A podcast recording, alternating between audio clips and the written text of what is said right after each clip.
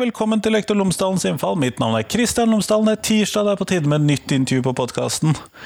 Denne ukens intervju er med professor Eirik Irgens fra NTNU. Vi snakker om eh, skoleutvikling, vi snakker om kompetanseheving, vi snakker om eh, opplæring av lærere og hvordan lærere skal samarbeide. Vi snakker om eh, skoleutvikling, rett og slett mange gode temaer som jeg tror du vil synes er interessant, og som kan være gode til å lade opp til sommerferien Lade opp i sommerferien med, heter det vel kanskje. Fordi at det er jo der vi er. Men i hvert fall, her får du intervjuet. Vær så god.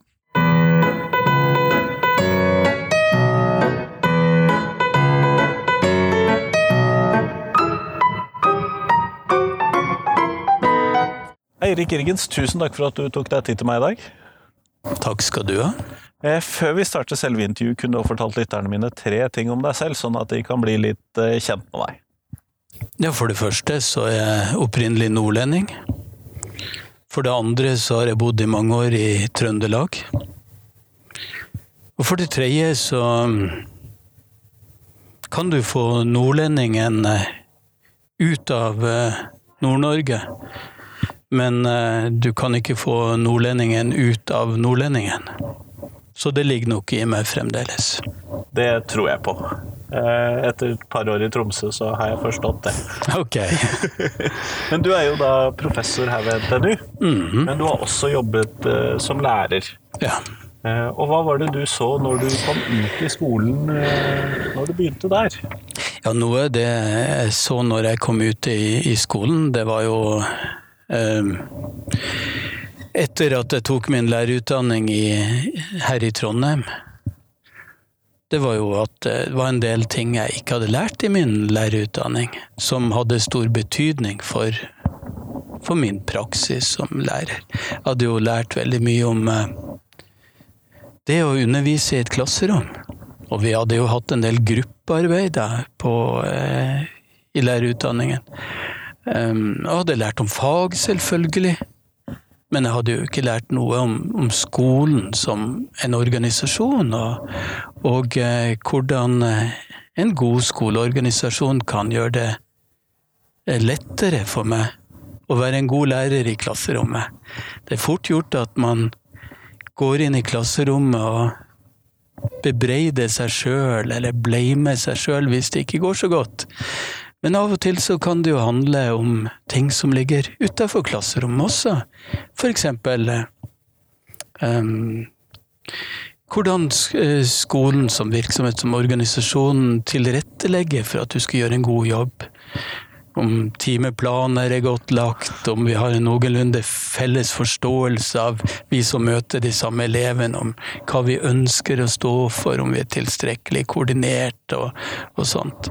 Um, og eh, jeg lærte selvfølgelig mye om hvordan elever lærer, men jeg lærte ingenting om hvordan vi som et team lærer, vi som en skolelærer, Um, det sto ikke på, uh, på, pensum, det som ofte blir kalt organisatorisk læring, og som også handler om hvordan vi kan forstå det at vi har så store problemer iblant med å lære sammen. Altså forbedre oss, gjøre ting i dag som kan gjøre at det blir enda bedre neste år, f.eks. Lære av de feilene vi har gjort, og lære av de gode tingene vi gjør. Og... Ja, og også hva, hva med den kunnskapen som kommer ut av læringsprosessene våre? Hva gjør vi med den? Hvor blir det av kunnskapen i skolen som uh, organisasjon? Og uh, det gjorde jo at jeg tok uh, gjorde de valgene jeg gjorde når det um, gjaldt videreutdanning. Jeg var den første på Pedagogisk institutt i, her i, på Universitetet i Trondheim som gjorde en masteroppgave mot det området her. Mot hvordan vi som en virksomhet, som en organisasjon, eh, kan, eh, kan lære. Organisatorisk læring. Og det var den gangen så, så nytt at instituttstyret dem eh, godkjente ikke temaet mitt med begrunnelse at det hadde ingenting med skole å gjøre. Nei. Det var ganske interessant, så jeg måtte ha det opp en gang til i instituttstyret for å få lov til å ta det her temaet. Og eh, i stortingsmelding etter stortingsmelding og utredninger de siste ti årene, så er det én ting som har gått igjen, og det er viktigheten av at skoler blir lærende. Skoler og skoleorganisasjoner blir, blir lærende. Så Det har tydeligvis noe med skoler å gjøre. det har absolutt noe med skole å gjøre, men det var litt prematurt eh, tema.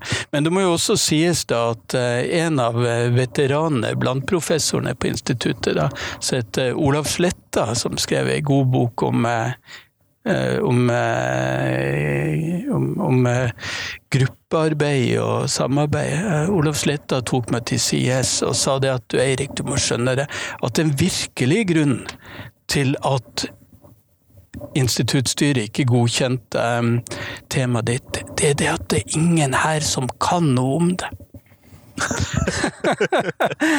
Men jeg fikk lov Ja. å, å ta det, og, eh, og det er Sammen med lærerutdanninga har det vært veldig, veldig nyttig, også i andre stillinger jeg har hatt. ja, for du har jo ikke hele tiden jobbet i skolen. Nei, jeg har jo ikke, ikke det. Um, jeg tok også videreutdanning på University of California og fikk en master of education derfra. Og i tillegg til hovedfaget her i, i, i Trondheim. Så ehm, og, og da eh, fikk jeg tilbud om, om stilling eh, i eh, det som nå er Kværner-konsernet. Den gang var Aker, inntil Kjell Inge Røkke kjøpte det opp og døpte om til, til Kværner.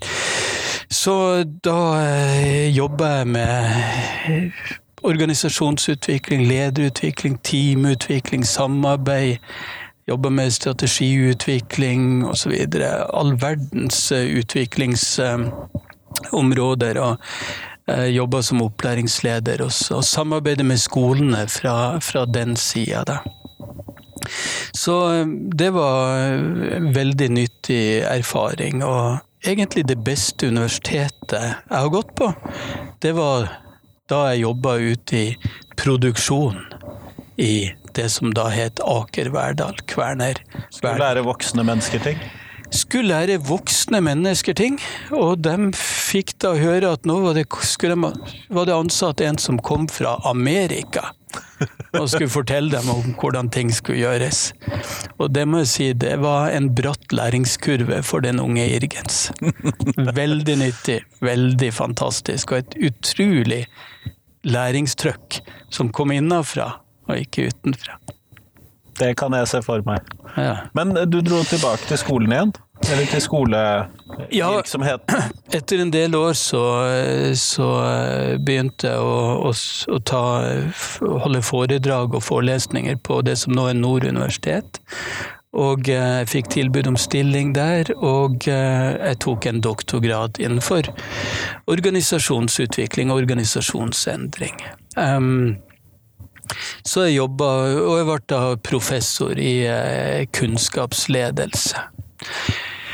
Um, og da jobba jeg både mot skoler og andre typer eh, virksomhet.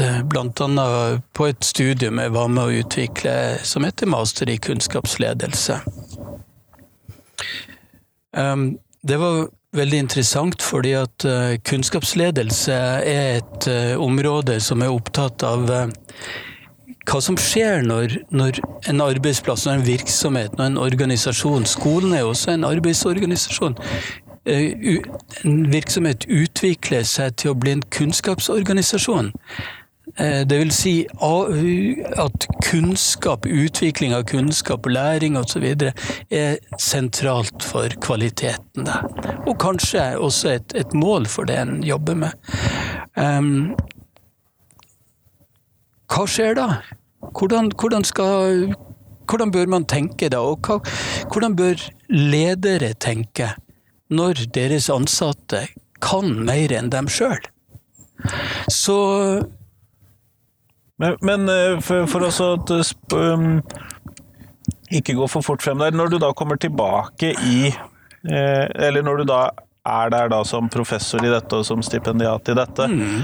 Eh, hvordan er skolevirkeligheten blitt ute i skolene da, med, med, tanke på dette her med styring og skoleutvikling ute i skolen? Ja, altså, jeg hadde jo med meg mine erfaringer fra, fra jobber med utvikling og, og, ledelse og samarbeid i eh, Aker-systemet da jeg kom inn i Nord universitet og, og ble professor etter hvert i kunnskapsledelse. Og um, sammen med den kunnskapen jeg fikk fra det, det, det, feltet jeg var professor i da, så ble jeg da veldig overraska når jeg kom tilbake til skolen, for det, jeg ble eh, en del år etterpå så ble jeg professor i utdanningsledelse. Eh, med stilling her på NTNU. Og da begynte jeg jo å jobbe mer opp mot eh, skole- og utdanningssektoren. Og eh, da så jeg jo det at eh, en del av de tingene vi prøvde å jobbe oss bort fra i, eh, i det som nå er Kværner-systemet, det prøvde skolen å jobbe seg inn i.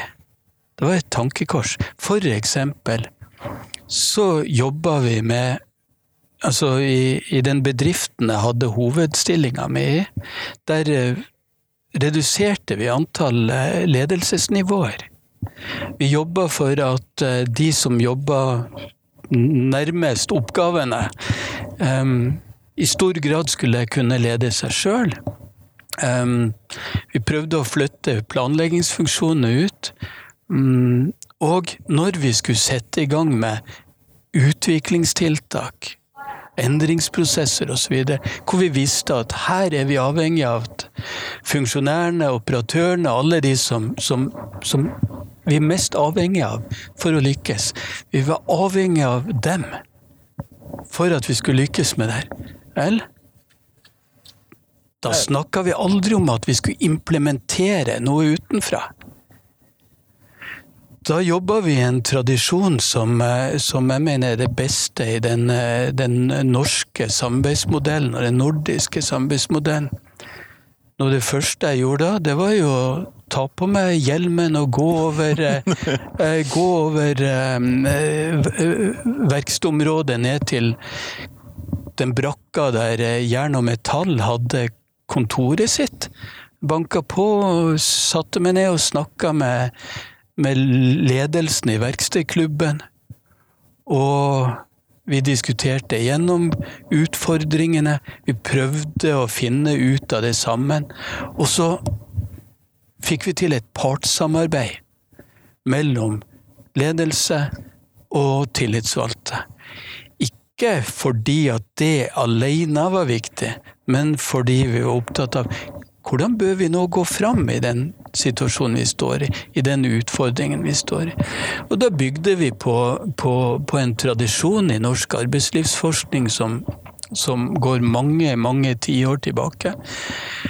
Som handler bl.a. om den kunnskapen en professor som heter Einar Thorsrud kom fram til på 60- og 70-tallet, om hvor lurt det er å starte med dialogseminarer når vi skal starte noe, noen utviklingsprogrammer, hvor vi får så mange som mulig av iallfall de viktigste ansatte for, for, for, for, det vi nå skal jobbe med. At vi får trukket dem inn i dialogen allerede tidlig.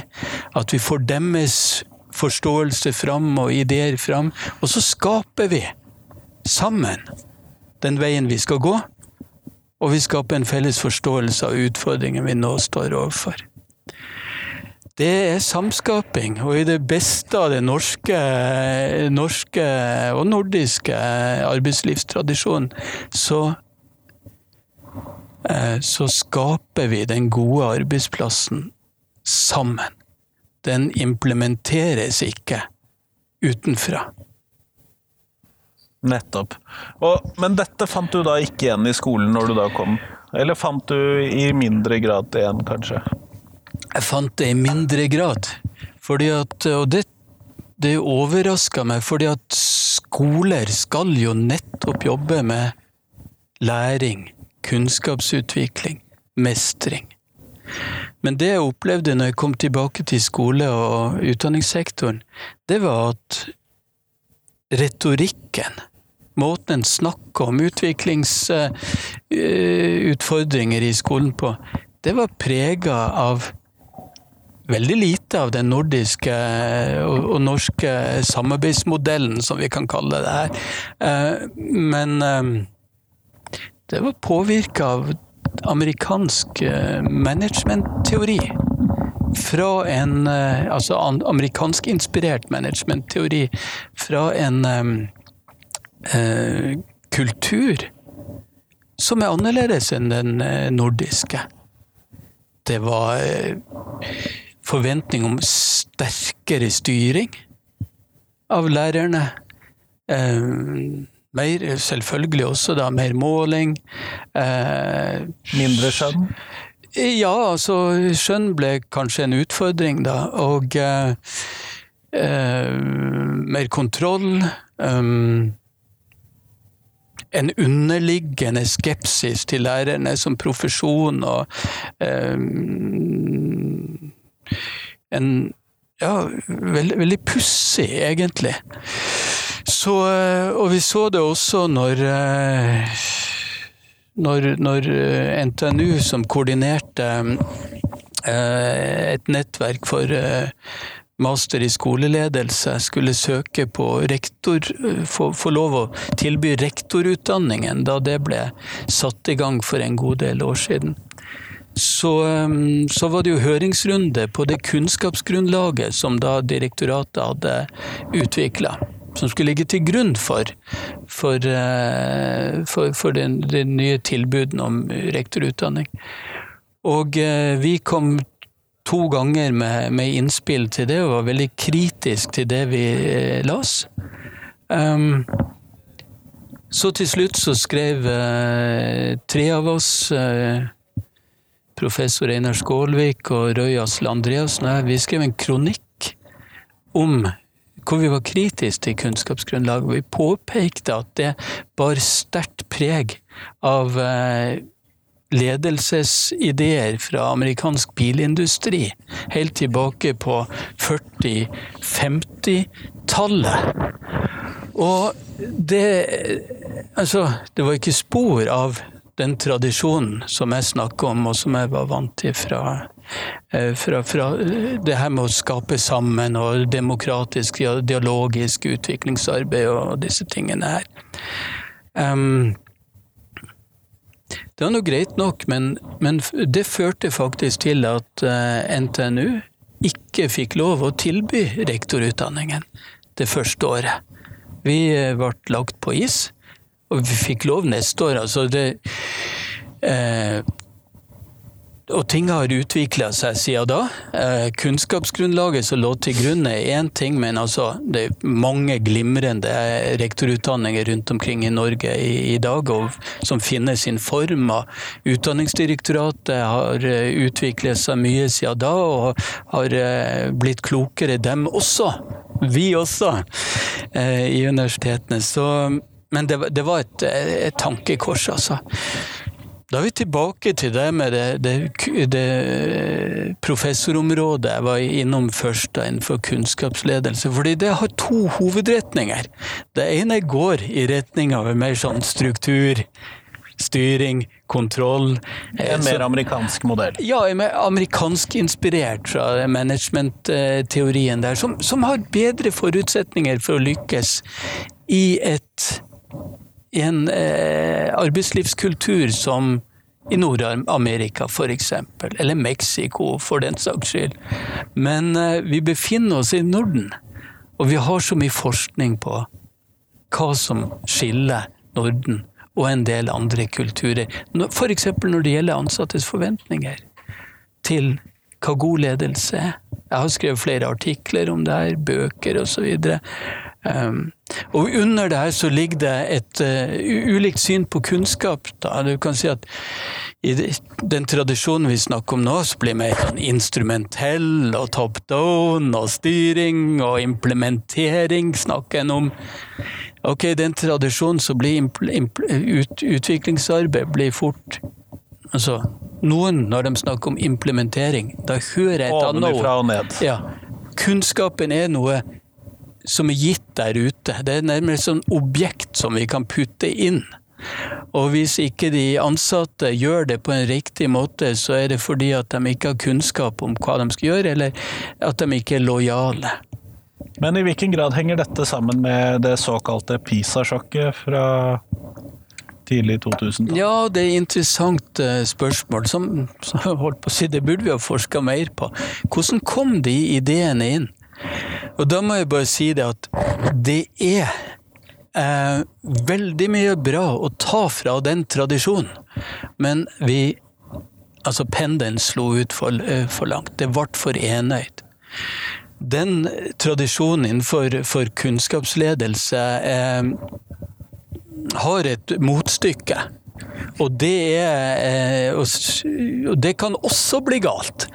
Eh, og det handler om, om, om å se på, på ledelse og, og, og, profesjonalitet òg, for så vidt, som, som at det, det, er snakk om kunst. Det er snakk om, om stor grad av individuell frihet, og vi skal la ting vokser fram. Og, sånn. Organiske modeller. Organiske, som, som, som kan være bra òg. Men altså, jeg har jo vært med å skrive bok om improvisasjon. Men da, da sier jeg, altså, som, som, en orkesterleder og bassist sa, Charlie Mingus, You can't improvise on nothing, man. You have to improvise on something. Og det er den strukturen, den tilstrekkelige strukturen, vi, eh, vi, vi, vi trenger. Så, så derfor er jeg opptatt av å unngå enøydhet. Det, det er like galt å være enøyd på det ene øyet som som på det andre. Vi trenger altså en toøyd klokskap i, i, skolen, både i ledelse og eh, i undervisning, eh, slik som eh, jeg ser det.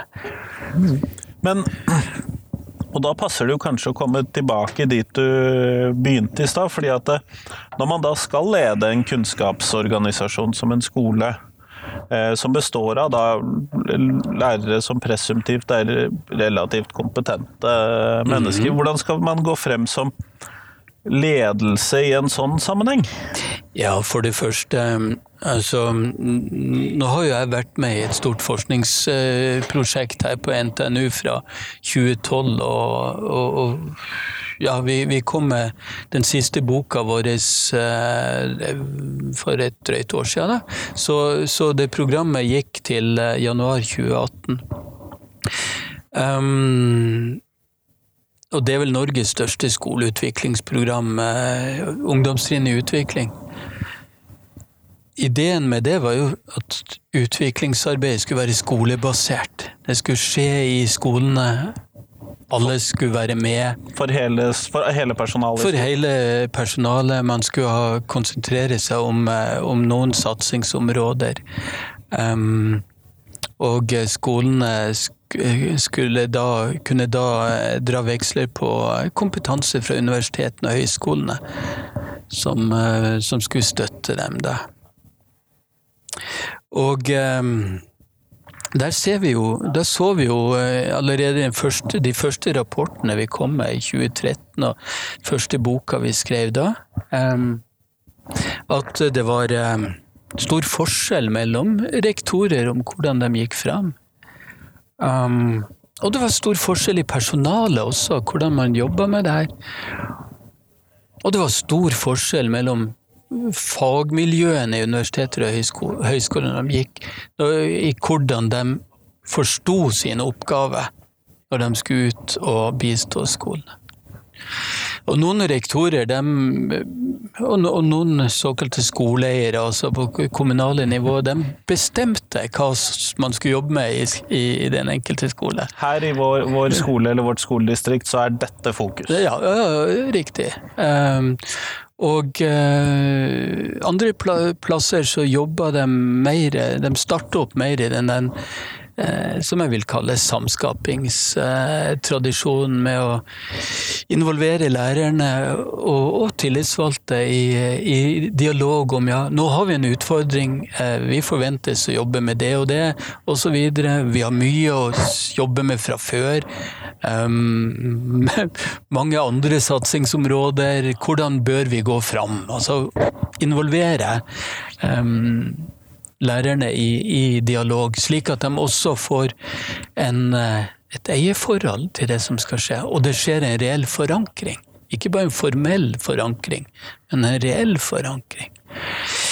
Store forskjeller mellom, mellom uh, ledere der. Men det som vi, uh, vi, vi så, var at vi, vi, fant Når det gjelder språkbruken, hvordan man snakker om um, denne satsinga, særlig i tidlig fase, så bar det mer preg igjen av amerikansk managementteori enn det gjorde av, av den eh, norske ja, dialogmodellen. Eh, for eksempel så var det noen uttrykk som gikk igjen ofte. Det var, var bestiller og leverandør.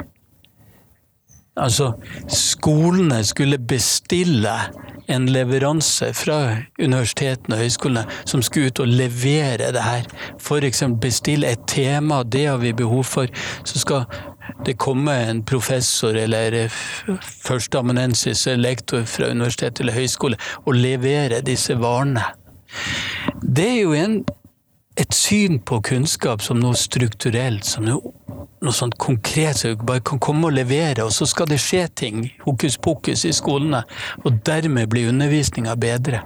Vi så jo ganske tidlig da at det her er en veldig dårlig modell. Kunnskap, når vi snakker om utvikling i den tradisjonen her, altså utfordringene ute i skolene og ute i de ulike studieretningene i videregående og mellomtrinnet kontra eh, ungdomstrinnet, f.eks. På, på, på, på de lavere trinn, så, så, må vi finne ut av det. Vi må altså skape vår kunnskap også, med utgangspunkt i forskningsbasert kunnskap. Selvfølgelig. Um, Nei, eh, det var pussige greier, altså. Men eh, bestiller, leverandør, ja, det er også en retorikk som, eh, som handler om noe annet enn samskaping og et kunnskapssyn. Det vi så da, var at når da skolene ble skuffa over den leveransen de fikk, f.eks. For i form av en kursdag eller en temadag eller noe sånt, så klaga de over at eh, det var disse som kom fra universitetene og høyskolene, de, de, de var ikke gode nok på å levere. Hvis jeg da snakka med disse fra universitetene og høyskolene, så sa de nei, men det er fordi at skolene, rektorene, de er for dårlig bestillerkompetanse. De visste ikke, eller visste ikke hvordan de skulle bestille det de egentlig var ute etter? Nei, altså det, det, det, da, da, kom det forslag om å kjøre kurs i bestillerkompetanse. Sant? Eh, det, altså, det høres litt tullete ut, eh, kanskje, det her, men, men, men altså Det er jo ofte slik at dem som skal inn i en skole og bidra, og skolen sjøl, bør sette seg ned sammen og diskutere utfordringene, og komme frem til en felles forståelse av hva som kan gjøres, og hvordan. Og hva det er behov for. Og hva det er behov for. Hvordan kan en skole vite hva den ikke vet, og dermed skal bestille? Nei, en del skoler begynner å bestille det andre skoler har bestilt. Og så kan rektor si ja, men jeg har bestilt det og det. Og så kan da universitetet si ja, vi har levert det og det. Så, um, men, men direktoratet fanga opp det her, og de endra sine føringer. Og sa det at nei, universitetene og høyskolene skal ikke primært komme inn og holde kursdager og foredrag osv. De skal være prosessveiledere eh, og en støtte i prosessen til skolene.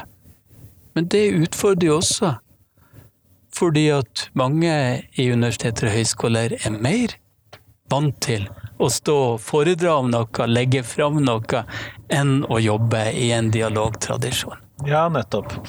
Og det er jo en utfordring. Men henger dette sammen med f.eks. disse problemstillingene knyttet til bestiller og leverandør og eh, til sånne den typen opplegg sammen med f.eks. læreplanmålene som da preger skolehverdagen? For jeg, jeg, her ser jeg en viss kobling i en sånn instrumentell eh, retning. Ja, Kan du si litt mer om det? Nei, altså jeg tenker jo det at, eh, at skolen er blitt så vant til å jobbe med kunnskapsmål og læringsmål. Som sånne konkrete sånne, hva skal vi kalle bestillingspunkter fra eh, Utdanningsdirektoratet og Kunnskapsdepartementet. Mm. At det kanskje er det man er vant til? Ja, eh, det kan godt, eh, godt hende. Det, det, det, er jo en del tegn som tyder på at, at undervisninga i norsk skole etter Kunnskapsløftet har blitt mer kateterstyrt.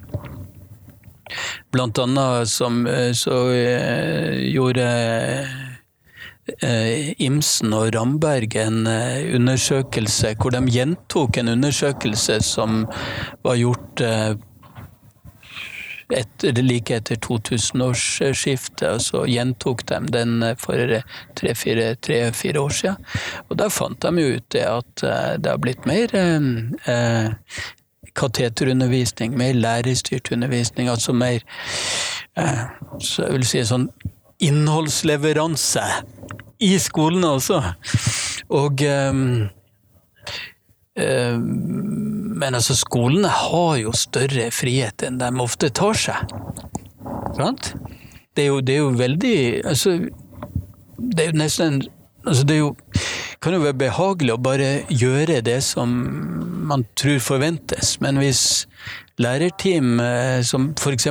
jobber innenfor samme studieretninger eller på samme trinn osv., virkelig jobber sammen i sine profesjonsfellesskaper om at ja, slik vil vi jobbe her hos oss, så har de stor frihet til det. Men det er jo krevende. Og På samme måte så så vi jo det i ungdomstrinnet utvikling eh, at uh, mange lærere syns jo det. De sier jo det er fantastisk å få en dag hvor vi kan bare sette oss ned og ta imot. Ja, uforpliktende. Men vi fant jo tidlig ut i vår forskning at det er jo det som skjer etter at man får ny, får kjennskap til ny forskning, f.eks. Det som skjer deretter, som er avgjørende for om det her kan komme elever til gode på en bred front, og ikke bare hos enkeltlærere. Men Har man sett noe på eh, implementeringen av denne ungdomstrinn i utvikling? Eh, hvordan den varierer på forskjellige skoler? For Du nevnte jo at forskjellige skoler hadde forskjellig inngang til dette. Om de hadde mer ovenfra og ned eller mer dialogbaserte innganger. Har man sett noe forskjell på implementeringen?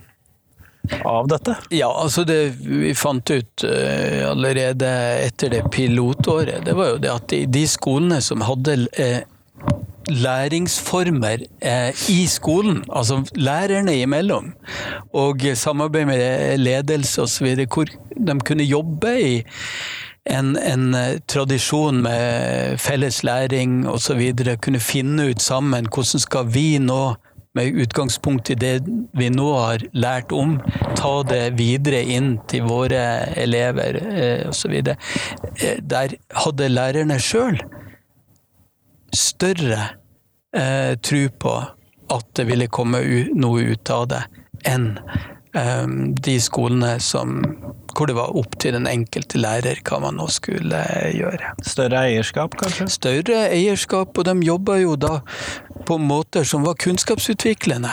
De lærte av hverandre. De fant ut hva de skulle prøve ut i klasserommet. De tok med erfaringene tilbake i teammøtet. Um, I noen skoler så, så drev de med kollegaobservasjon og kollegaveiledning. Andre skoler ingenting. Så det er forskjell mellom skoler. Og um, når vi nå snakker om en sånn samskapingstradisjon, så, så så betyr det at det, handler ikke bare om ledelse. Det handler også om profesjonalitet. Men så handler det om en ting til. Og det så vi nå eh, i den sluttrapporten vi kom med i Ungdomstrinnet utvikling.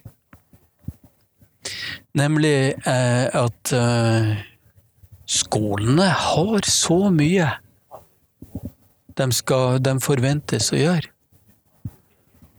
Og lærerne har Så altså det, det, det, Lærere som sitter og vet at av fire timer i morgen jeg ikke har undervist, og de skal sitte i møter som de opplever som irrelevant for, eh, for jobben de skal gjøre. Vi må ha respekt for, for det der eh, presset som lærerne har. De kan ikke utsette neste dags undervisning for det om at tida de skal bruke til forberedelse, har gått bort til Nei, for Undervisningen kommer jo uansett man, hvordan man vrir og vender på dette. Ja, det er, en handlingstvang. Altså, Du kan ikke få, få, inspektøren til å ringe rundt til foreldrene og si at vi må dessverre utsette morgendagens undervisning pga. noe som er inntruffet her. Eh, møtevirksomheten har eh, eskalert. Det hadde truffet lokalavisa fort, tror jeg. Jeg tror det hadde gjort det. Men eh, vi går mot slutten av podkastintervjuet. Eh, og da har jeg et fast spørsmål som jeg stiller til lytterne mine. Og det er hvis noe skal ut av skolen, hva ville du tatt ut, Eirik?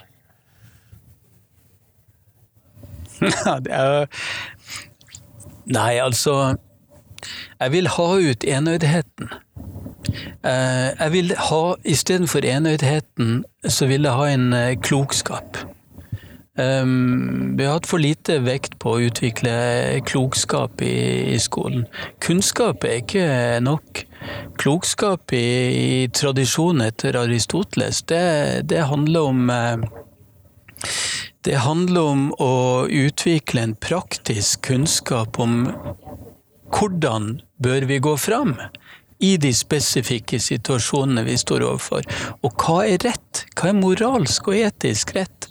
Så og det krever en slags toøydhet. Vi, vi, vi, trenger både struktur og vi trenger mål osv. Men hvis vi blir enøyd på det området, så, så blir det dårlig kvalitet. Og vi trenger også handlingsrom, profesjonelt skjønn, improvisasjon osv. Men vi kan ikke bli, vi kan ikke bli enøyd på, på, på den måten heller. Så jeg, jeg vil ha en toøyd klokskap igjen, hvor vi har fokus på å utvikle det, og hvor skoler og lærere og ledere diskuterer ikke bare hva de vil oppnå av læringsresultater, men også hvordan de vil oppnå det. Hva vil vi stå for? Hva betyr det for oss at vi er en skole eller et lærerteam med integritet? Hva slags verdier vil vi skal kjennetegne det vi gjør? Det tror jeg er viktige, viktige spørsmål. Så jeg vil ha ut enøydheten. Jeg vil ha mer toøyd klokskap inn i både ledelse og profesjonaliteten i skolen. Og med den nye overordna delen som vi har fått nå, så har vi et glimrende utgangspunkt for slike ting. Ehm, lærerne har rett, og de skal utøve profesjonelt skjønn. Og det er viktig. Men forutsetningen er at de deltar i profesjonelle fellesskap på skolen. Og da skal det fungere godt, så må de fellesskapene diskutere hva vil vi stå for? Hvordan vil vi jobbe? Vi som har de samme type oppgaver, møter de samme elever. Og det er jo en ganske krevende prosess. Det er en krevende prosess. Og det betyr også det at um, vi må ha respekt for at uh, tidsbruken til lærerne er, er en kritisk faktor. Så uh, skolene må være gode på bruk av tid. Bruke den dyrebare fellestida og teamtida på best mulig måte rundt det som er aller viktigst. Og da kanskje i samtale med lærerne, og ikke bare ovenfra og ned, ut ifra hvordan jeg har forstått deg tidligere? Selvfølgelig. Altså, den gode skolen skaper vi sammen, i dialog, og også i dialog med elevene. Kjempeflott. Tusen takk for at jeg fikk bruke litt av tiden din i dag. Bare hyggelig. Tusen takk, Kristian.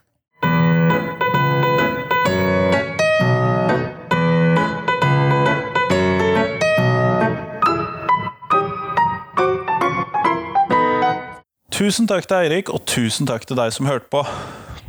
Nå er det bare en uke igjen til neste podkastintervju herfra. I mellomtiden så hadde jeg håpet at du kunne ta oss og dele podkasten med noen som du tror vil sette pris på den. Enten du deler en episode, du deler eh, flere episoder, eller du deler hele podkasten. Og husk at du kan dele den til folk både i Apple sin podkaster, du kan dele den i Spotify, du kan dele den på Soundcloud, eller på en drøss andre måter, der hvor du tror at det er lettest for mottakeren å høre på podkasten. Det vet jo du bedre enn meg. Eh, neste ukes episode er med Espen Skånning fra UiO.